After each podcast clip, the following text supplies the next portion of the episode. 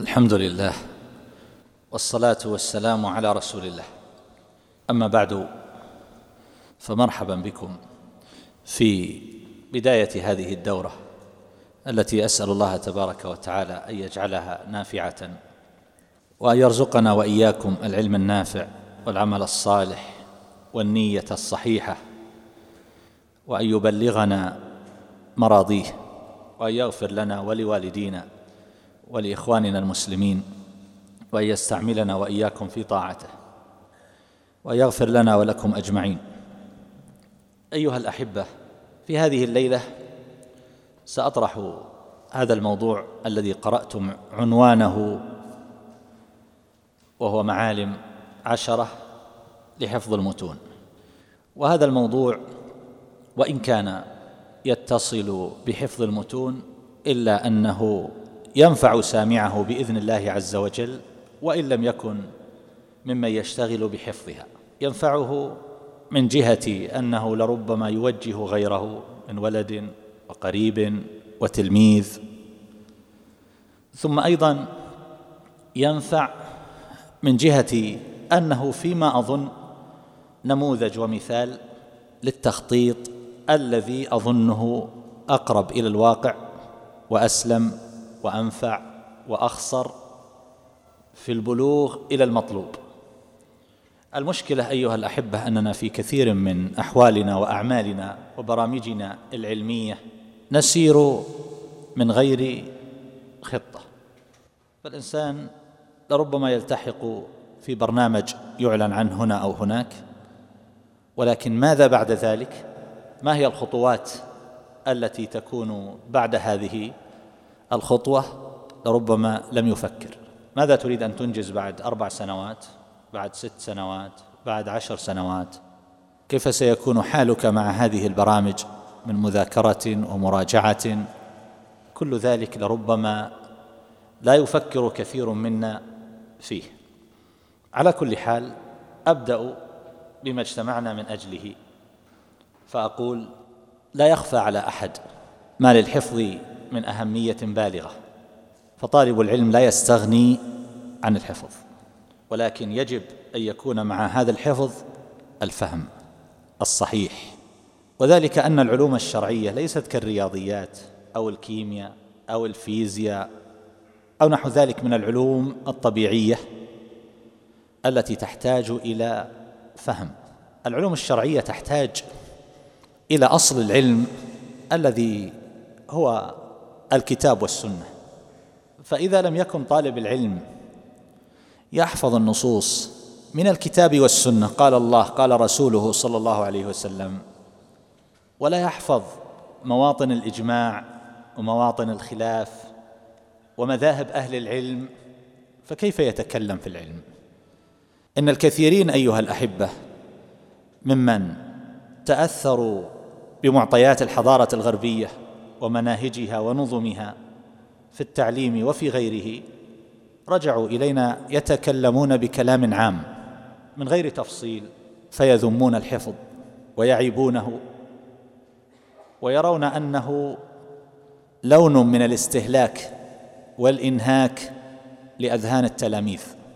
وهذا خطأ لأن هؤلاء إنما يتحدثون عما عرفوه من علومهم وتخصصاتهم ولكن كيف يمكن لطالب العلم الشرعي أن يطالب بالفهم فقط ولكنه لا يحفظ الأدلة ولا يحفظ مذاهب أهل العلم؟ فكيف يتكلم؟ ففرق كبير بين العلوم الشرعية وبين غيرها. ولهذا قيل العلم ما حواه الصدر وحظ المرء منه بقدر ما يستظهر منه في قلبه. وقالوا لا خير في علم لا يعبر معك الوادي. ولا يعمر بك النادي. بل قال الطاهر بن عاشور صاحب التحرير والتنوير في كتابه أليس الصبح بقريب؟ لا يعتبر العالم عالما ما لم يكن كثير الحفظ. نعم إنه إن ضم إلى ذلك الاستنباط والتحقيق نال شهرة كبرى ولكن لا يعد عالما ما لم يكن كثير الحفظ. هذا كلامه. وهو من أكثر الناس عناية بطرائق التعليم. وقد نبغ منذ شبابه وتفطن إلى أمور بعد ذلك. قال بعدها بأنه لو أدركها لما احتاج إلى كثير من الجهد الذي بذله والأوقات التي قضاها في مجالس العلم. وقد حفظ لنا التاريخ أيها الأحبة نماذج فذة في الحفظ. فالشعبي رحمه الله كان آية فيه كان يقول ما كتبت سوداء في بيضاء إلى يوم هذا ولا حدثني رجل بحديث قط إلا حفظته ولا أحببت أن يعيده علي. وكان يقول ما سمعت منذ عشرين سنة رجلا يحدث بحديث إلا أنا أعلم به منه ولقد نسيت من العلم ما لو حفظه إنسان أو رجل لكان به عالما. وكان رحمه الله أيضا يقول ما أروي شيئا أقل من الشعر. أقل ما يحفظ هو الشعر. ويقول ولو شئت لأنشدتكم شهرا لا أعيد بيتا. أما الاصمعي فكان باقعة وأعجوبة من أعاجيب خلق الله عز وجل. كان يقول أحفظ ستة عشر ألف أرجوزة. ويقول ابن الأعرابي وهو الراوي المعروف شهدت الأصمعي وقد أنشد نحوا من مئتي بيت ما فيها بيت عرفناه. هذا ما يقوله رجل من العامة. يقول رجل راوية للشعر ولكلام العرب ويحفظ الكثير منه وقد وقع له موقف عجيب يدل على شدة حفظه وما أعطاه الله وحباه من الحافظة. يقول أحمد بن عمر النحوي قدم الحسن بن سهل الحسن بن سهل أمير من الأمراء. فجمع أهل الأدب.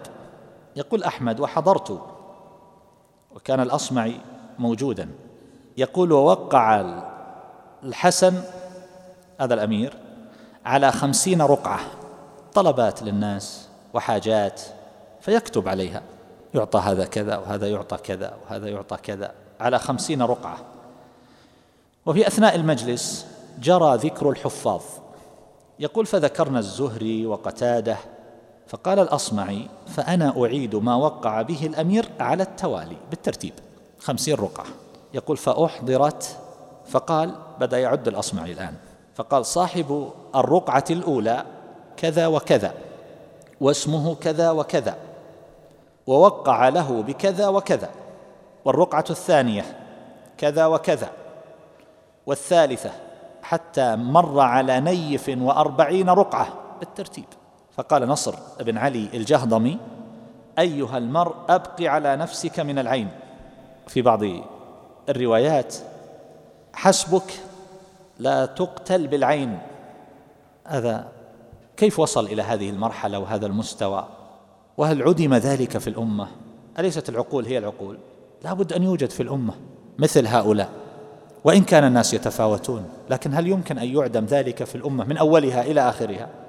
والكلام في هذا يطول والأخبار فيه كثير وهي مبهرة. ولا أطيل بالسرد والتعداد لهذه النماذج فتراجع في مظانها.